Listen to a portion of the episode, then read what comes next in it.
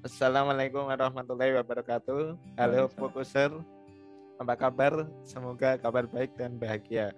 Hmm, Kali ini di podcast Kemen Ubusar episode ke-6 akan membahas mengenai perkembangan Torekoh dan peran Torekoh di kalangan anak muda. Dengan ditemani oleh Mas Ahmad Jawari.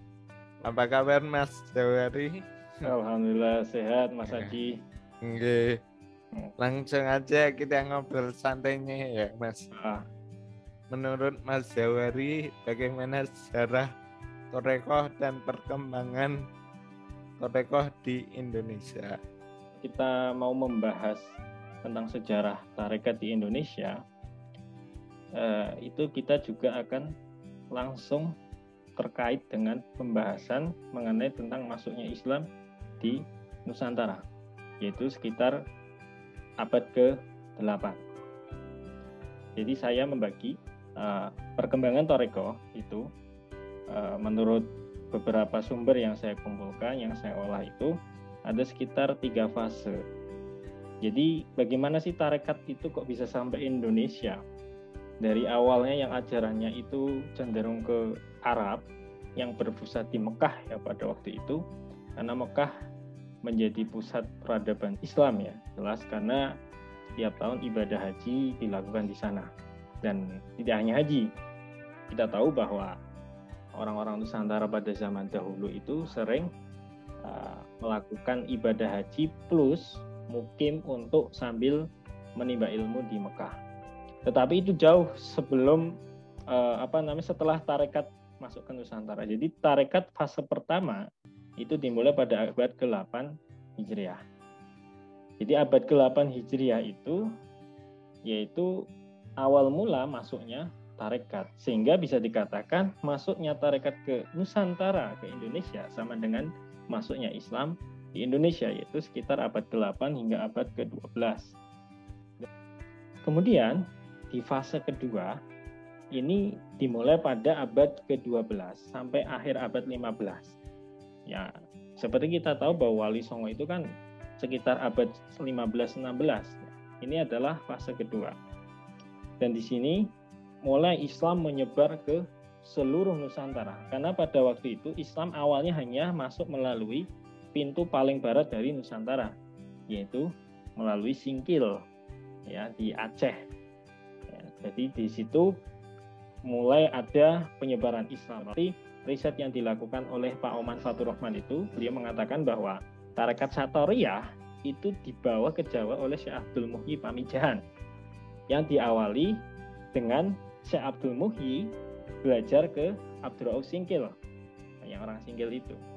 Ya, di situlah ada persebaran tarekat sampai ke Jogja, sampai ke Magelang hingga sampai ke Jawa Timur seperti itu. Dan sampai sekarang di Jogja ada pesantren yang apa namanya masih mempertahankan ajaran tarekat Sapariyah yaitu di daerah Imogiri yang yang terkenal dengan Pak Kiainya itu namanya Pak Kiai Zabidi. Itu yang fase ketiga yaitu pada abad ke-16 sampai pertengahan akhir dari abad 17.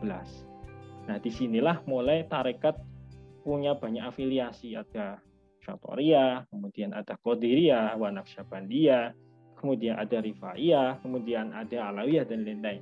Dan di sini relasinya adalah relasi politik.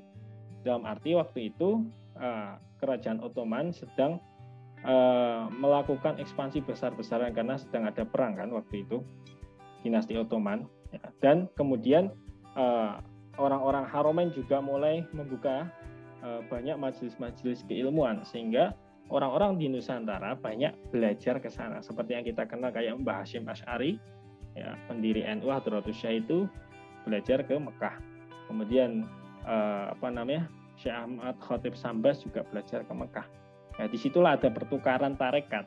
Akhirnya mereka setelah selesai belajar dari Mekah, mereka pulang ke Indonesia membawa ajaran-ajaran tarekat.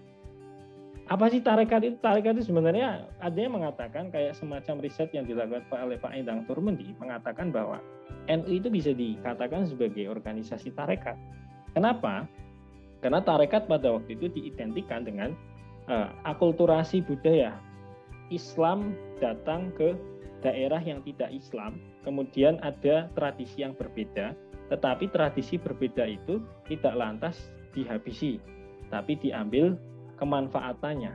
Dan itulah yang kemudian dikenal dengan prinsip al-muhafadzatu 'alal qadimi sholih wal akhdu bil jadidil aslah. Jadi mereka kita mengambil tradisi-tradisi atau mempertahankan tradisi-tradisi yang baik dan melakukan inovasi-inovasi terhadap tradisi yang lebih baik seperti itu. Itu fase tarekat yang apa namanya uh, saya tangkap dari beberapa sumber yang telah saya kumpulkan. Hmm. Kemudian menariknya orientasi gerakan tarekat di Nusantara ini berbeda, Mas. Jadi saya itu membaca beberapa literatur itu tentang sejarah tarekat ya khususnya. Itu ada uh, dinamika peran tarekat. Sebagai contoh gini, saya membagi itu menjadi tiga, tiga peran. Pertama itu adalah peran politik menjadi akomodasi dari negara atau kerajaan, yaitu di masa kerajaan-kerajaan Islam di Nusantara. Seperti kita tahu ada kerajaan Samudra Pasai, kemudian ada kerajaan Aceh, kerajaan Mataram, kerajaan Banten, dan lain sebagainya. Lalu kemudian pas, uh, dinamika peran yang kedua yaitu uh, si apa tarikat itu menjadi gerakan perlawanan, gerakan pemberontakan. Ya, otomatis jelas sekali pemberontakan dilakukan untuk mengusir penjajah, yaitu penjajah Belanda. Kemudian yang ketiga adalah gerakan tarekat menjadi gerakan politik nasional, yaitu dimulai ketika Orde Baru setelah fase kemerdekaan. Saya menjadi partner, menjadi penyokong kekuatan kerajaan-kerajaan Islam Kemudian fas, eh, peran kedua yaitu tarekat berubah dari yang tadinya pro terhadap kerajaan-kerajaan tertentu, kemudian melakukan beberapa pemberontakan. Karena ternyata kerajaan-kerajaan ini banyak sudah dipengaruhi oleh Belanda. Sehingga mereka akhirnya lepas dan mereka melakukan gerakan underground lah kalau bahasa sekarang, gerakan uh, yang independen untuk melakukan pemberontakan. Yang pertama misalnya saya mencatat itu di Banten. Di Banten itu gerakan Tarekat Qadiriyah Naqsyabandiyah yang dipimpin oleh Haji Marjuki itu melakukan perlawanan terhadap Belanda di tahun 1888 yang terkenal dengan pemberontakan petani Banten ya kalau nggak salah. Itu mas. Geng, geng, geng. Berarti dari cerita tersebut Torekoh itu atau tarekat itu sifatnya fleksibel ya, di mana satu dulu menjadi apa bersahabat dengan kerajaan yang kedua fase kedua menjadi pemberontak dari kerajaan yang hmm. ketiga itu menjadi pro kepada pemerintah hmm. Kemudian yang kedua ini mas. Bagaimana perkembangan torekoh atau tarekat di kalangan anak muda? Itu seperti hmm. apa mas? Hmm. Kalau tarekat di anak muda saya nggak tahu ya. Uh, dalam arti gini. Tarekat di anak muda itu paling terkenal kan sekarang itu adalah matan ya gerakan matan. Mahasiswa dari tarekat al muktabaroh dia yang kita kenal bahwa itu dibawa oleh Habib Lutfi Nur Habib ya dan menurut saya gerakan tarekat anak muda ini muncul ketika mulai banyak mahasiswa-mahasiswa khususnya anak muda secara umum itu mulai bergabung ke dalam gerakan-gerakan radikal.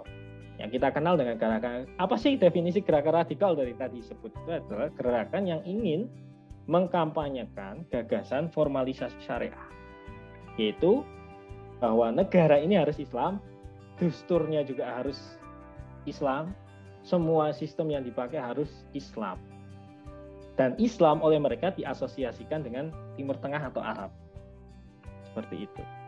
Dan gencar ini setelah banyak mahasiswa terlibat dalam gerakan-gerakan radikal, kemudian kasus-kasus bom bunuh diri semakin meningkat, muncullah Matan itu sebagai representasi dari gerakan anak muda yang apa namanya masuk dalam deradikalisasi, mengurangi radikalisme agama melalui cara-cara tasawuf atau cara-cara tarekat. Apa sih cara tarekat itu? yaitu kita diajarkan untuk melihat sesuatu itu jangan melalui bungkusnya. Belum tentu yang jenggotan panjang, kemudian yang pakai cadar itu radikal. Belum tentu juga yang sarungan itu mesti moderat. Dulu kan Gusmus pernah me, me, apa namanya uh, menulis puisi bahwa kadang kita melihat orang sarungan pecinan itu bukan santri, tapi orang yang sedang main judi. Iya, iya. Iya kan? Gitu. Betul, betul.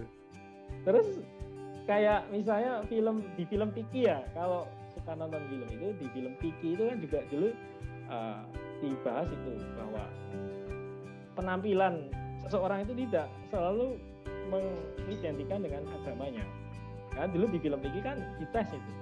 Orang Sikh misalnya dikasih pakaian Katolik, yang orang Islam dipakai dikasih pakaian Hindu dan orang Sikhnya dikasih pakaian Katolik apa namanya Kristen. Ternyata ketika disuruh nilai, dia menilai berdasarkan pakaiannya berarti sebenarnya kita itu nilai seseorang itu berdasarkan pakaiannya atau berdasarkan substansi orang itu. Dan tarekat mengajarkan bahwa kita disuruh melihat seseorang berdasarkan isinya, berdasarkan substansi dari orang Makanya dari ori bahwa orang tarekat itu kan semua pandangannya itu dikembalikan, diasosiasikan dengan Allah Subhanahu wa taala. Melihat sesuatu itu gambarannya Allah. Melihat orang gambarannya Allah, melihat orang yang lain gambarannya Allah, melihat apa pun itu akan kembali ke Allah. Otomatis ketika kita melihat orang yang berbeda seperti kisah Najmuddin Aulia, itu juga kita akan mengembalikan itu semua kepada Allah. Sehingga perbedaan sekat-sekat perbedaan ini menjadi hilang. Dan itu sebenarnya esensi dari ajaran tarekat. Oleh karena itu matan, kalau saya, saya melihat ya, bahwa organisasi tarekat kepemudaan terlepas dari matan ataupun organisasi yang lainnya, itu ingin mengajarkan kepada anak muda untuk memunculkan identitasnya sebagai murid tarekat. Jika kita mengikuti tarekat, hal semacam ini menjadi hilang sehingga kita melihat orang-orang yang berbeda dengan kita itu dengan pandangan ainur rahmah wa ainul mahabbah pandangan penuh kasih sayang dan pandangan penuh cinta karena persaudaraan kita tidak hanya tersekat oleh persaudaraan al-ukhuwah al-imaniyah tetapi lebih luas lagi dan lebih universal lagi yaitu al-ukhuwah al-basyariyah persaudaraan kemanusiaan seperti yang diterangkan oleh Kiai Said dalam bukunya uh, tasawuf sebagai kritik sosial. Gitu. Jadi yeah. sebenarnya kita kalau memahami tasawuf itu cukup simple. Yeah. Tidak perlu kita melihat orang lain dari covernya. Itu yang pertama. Yeah. Terus yang kedua, ketika kita mengikuti tasawuf, kita akan mengikuti akhlaknya para guru-guru kita. Otomatis para guru kita ngikut gurunya lagi, gurunya ngikut gurunya lagi sampai seterusnya kepada Rasulullah Shallallahu Alaihi Wasallam. Hmm. Rasulullah selalu melihat umatnya dengan pandangan penuh kasih sayang, terlepas dari apa pun perbedaannya, agamanya. Bahkan kanjeng Nabi sering mengatakan kepada sahabat bahwa ketika ada tawanan perang yang kafir, itu diperlakukan selayaknya dia sebagai manusia. Bahkan di beberapa siroh, di beberapa kajian-kajian sejarah itu, dikatakan bahwa ketika ada tawanan yang kafir ditawan oleh orang muslim, mereka malah disuruh ngajar menularkan hmm. ilmunya kayak contoh lah misalnya eh, beberapa taktik perang itu kan didapat dari orang-orang Persia yeah. obat-obatan juga gitu jadi mereka diambil manfaatnya dimanusiakan karena kanjeng Nabi tidak suka eh, melakukan manusia tidak selayaknya sebagai manusia Nah, itulah esensi dari tarekat. Karena tarekat kan konteksnya adalah acaranya al-istima ilal syaikhit tariqah. Hmm. Mendengarkan ajarannya guru-guru tariqah. Hmm. Bahkan kita misalnya jenengan udah pernah bayat belum mas? Kalau saya ikutnya yang Satoriah mas. Satoriah di mana? Kiri lo yo? Di Gunung Kidul, daerah Gunung Kidul. Oh Gunung Kidul. Ya kalau misalnya jenengan pernah ikut bayat kan mesti disumpah ya untuk melakukan apa ya istilahnya itu men, mengikuti ajarannya guru. Guru ngomong apa kita ngikuti seperti itu bahkan dalam tradisi tarekat Naksabandiyah yang saya tahu itu ada ajaran murokobah jadi kita membayangkan wajah guru sambil dikir Allah Allah Allah Allah gitu hmm. itu untuk meningkatkan apa namanya uh, keterikatan kita dengan guru sehingga iya. ketika kita ikut toreko harusnya kita dengan orang lain itu semakin menghormati gitu ya. Yeah, Tapi yeah. nyatanya kontestasi antar tarekat ini tinggi mas. Hmm. Saya sering me, apa ya mendengar atau meng, apa menangkap cerita dari orang-orang sekitar saya bahwa eh, ketika dia berafiliasi tarekat A, dia akan menjelek-jelekan tarekat B. Begitu yeah. sebaliknya, tarekat B mengaku sebagai tarekat terbaik, tarekat yeah. yang lain itu salah. Bukankah itu absolute truth claim gitu loh? yeah. klaim kebenaran sepihak. Lalu di mana ajaran tarekatnya? Gitu.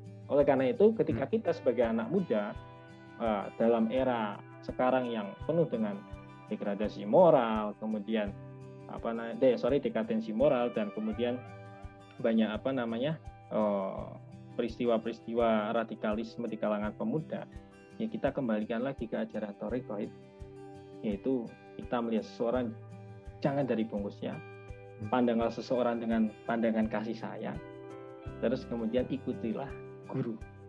Seperti itu. Eh, eh. berarti itu, gimana?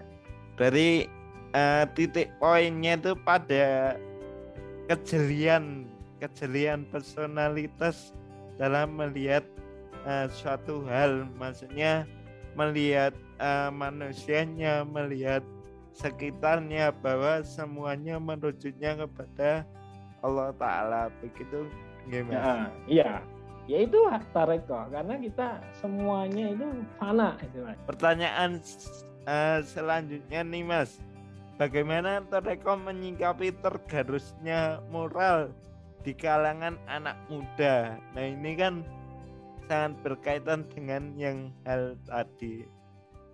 Hmm. Ya, kalau berkaitan dengan tergerusnya moral anak muda itu seperti yang saya singgung tadi bahwa kita hidup di era, era ultramodernis ya dalam arti kita semakin dijauhkan dengan tradisi-tradisi agama. Seakan-akan yang religius itu kuno, yang sekuler itu keren, gitu kan. Sehingga kita gengsi akhirnya menjadi atau mengaku sebagai santri kemudian kita gengsi untuk melakukan tradisi atau amalia-amalia yang mungkin diajarkan oleh guru-guru kita. Peran tarekat di sini menurut saya itu menjaga atmosfer kita, mempertegas identitas kita sebagai seorang santri atau murid toriko atau uh, murid dari guru-guru kita. Yang tadi saya bahas bahwa seorang murid toriko kan akan selalu mengikuti apa yang diajarkan oleh gurunya mengamalkan apa yang setelah dinasihatkan oleh gurunya. Dan di situlah menurut saya itu benteng kuat anak muda ketika mereka berada di mana pun adanya toreko kita jadi ingat? Oh misalnya kalau udah bayat kan harus melakukan uh, wirid-wirid tertentu ya kan? Kemudian melakukan uh, hubungan apa namanya menjalin hubungan silaturahmi terus menerus dengan mursyid kita. Kemudian juga selalu memperbaiki diri ya kan? Harus meningkatkan kualitas diri kan kalau kita setelah bayat kan harus seperti itu. Nah itu menurut saya itu peran yang sangat signifikan untuk apa namanya menanggulangi uh, apa kemerosotan moral. Ya. dan bagi saya itu juga sebagai benteng. Karena kenapa sebagai benteng? Contohnya saya banyak mendengar cerita mas. Ketika ada seorang mahasiswa baru kemudian masuk ke kampus tertentu, itu dia akan diperebutkan oleh beberapa orang atau komunitas. Ayo kamu ikut aku aja, kamu ikut aku aja, kamu ikut aku aja dengan iming-iming yang macam-macam. Misalnya ada kos atau apa namanya rumah kontrakan, rumah tahfid, ya dia fasilitasnya begini, begini, begini. Sementara dia tidak punya basic, tidak pernah belajar toriko, tidak pernah nyantri lah katakan, nggak punya basic, otomatis dia ingin baik kan? Itu kan secara nganu baik kan? Baik. Tapi kemudian karena dia nggak punya benteng, akhirnya dia ikut-ikutan dengan apa ajaran-ajaran yang sangat berbeda dengan ajaran orang tuanya, ajaran guru-gurunya. Tapi ketika dia punya benteng, dia punya jaringan. Dan bagi saya dengan masuk torekat itu adalah membentuk jaringan sosial baru. Hmm, ya. Misalnya kita sebagai murid torekoh gitu kan, otomatis kita tahu di Jogja ada torekoh itu juga siapa orangnya dan kita bisa menjalin lagi komunitas itu, menjalin lagi silaturahmi itu. Seperti dan memang di dalam banyak riset ini dikatakan bahwa tarekat adalah jaringan sosial memang atau link-link. Kenapa kok dulu tarekat bisa melakukan perlawanan pemberontakan kepada Belanda dengan begitu besar? Ya karena jaringan-jaringan itu. Para murid terkumpul dan kemudian guru memberikan fatwa jihad, sudah pecahlah perang. Dan itu intinya tarekat itu merupakan benteng diri dari apa pergolakan dunia dunia itu uh, lautan dan kita perlu kapal penyelamatan untuk kita selamat ke negeri akhirat seperti itu. Nah, untuk pertanyaan yang terakhir Mas, ini buat pesan-pesan kalangan anak muda biar tertarik ikut Torekoh itu seperti apa Mas pesan-pesannya? Nah, pesan saya untuk teman-teman pemuda, cara empirik ya, saya mengalami sendiri ketika dulu sebelum uh, apa mendalami atau ak, mengaktifkan diri sebagai murid Toriko. Dulu saya ikut Toriko tapi tidak terlalu aktif. Tapi sekarang saya aktif dalam arti ya semua auratnya dibaca, kemudian wirid-wiridnya dilakoni itu. Itu rasanya beda. Kita lebih menemukan ketenangan diri. Kemudian ketika ada masalah itu problem solvernya itu menjadi mudah. Hmm. Tidak gampang galau. Kalau anak muda kan rawan galau biasanya. ya itu. Jadi kalau pengen selamat jiwa kemudian sehat pikirannya, psikologisnya juga sehat, ikutlah Toriko karena itu sebagai rantai yang cukup uh, apa ya cukup mudah untuk menyambungkan diri kita dengan para wali, para kiai dan para nabi. Karena ketika kita disuruh nyambung nyambung rantai. Dengan belajar kan susah, belajar iya. agama gitu kan, mumet lah, harus baca kitab, iya. harus nyantri sekian tahun. Tapi kalau pakai watoreko kita hanya dibekali wirid yang bisa dilakukan. Dan itu fleksibel. Dan sekarang banyak torekoh-torekoh yang menyesuaikan diri dengan uh, pergolakan modern uh, zaman modern. Jadi amalannya nggak terlalu banyak. Oh zaman dulu kan orang melakukan toreko itu harus tirakat harus pelwat kemudian wiridannya itu membuat kita itu nggak mau ninggalin sajadah gitu. Ketuanya wirid terus ya lo kapan kerjone gitu kan. sekarang kan bisa disesuaikan. Jadi seorang mursyid sekarang bisa mengformula apa memformulakan kembali wirid-wirid yang cukup simpel bisa dilakukan oleh orang-orang yang uh, mobilitasnya banyak. Seperti itu. Dan bagi saya nggak ada salahnya anak muda ikut toriko gitu Iya, iya, terus terus. Ya, ini saya malah seperti kayak mendengarkan pengajian tentang hmm. dari Mas Jawari, tapi ya berisi banget karena uh, saya juga merasakan sebagai pengamal toriko itu juga uh, menjadi benteng juga benteng di masih Mas Jawari ilmunya sangat bermanfaat ini ya semoga teman-teman Pokusar ya. juga tertarik lah atau ikut bergabung lah di dalam torekoh tersebut. Saya mohon maaf. Wassalamualaikum warahmatullahi wabarakatuh.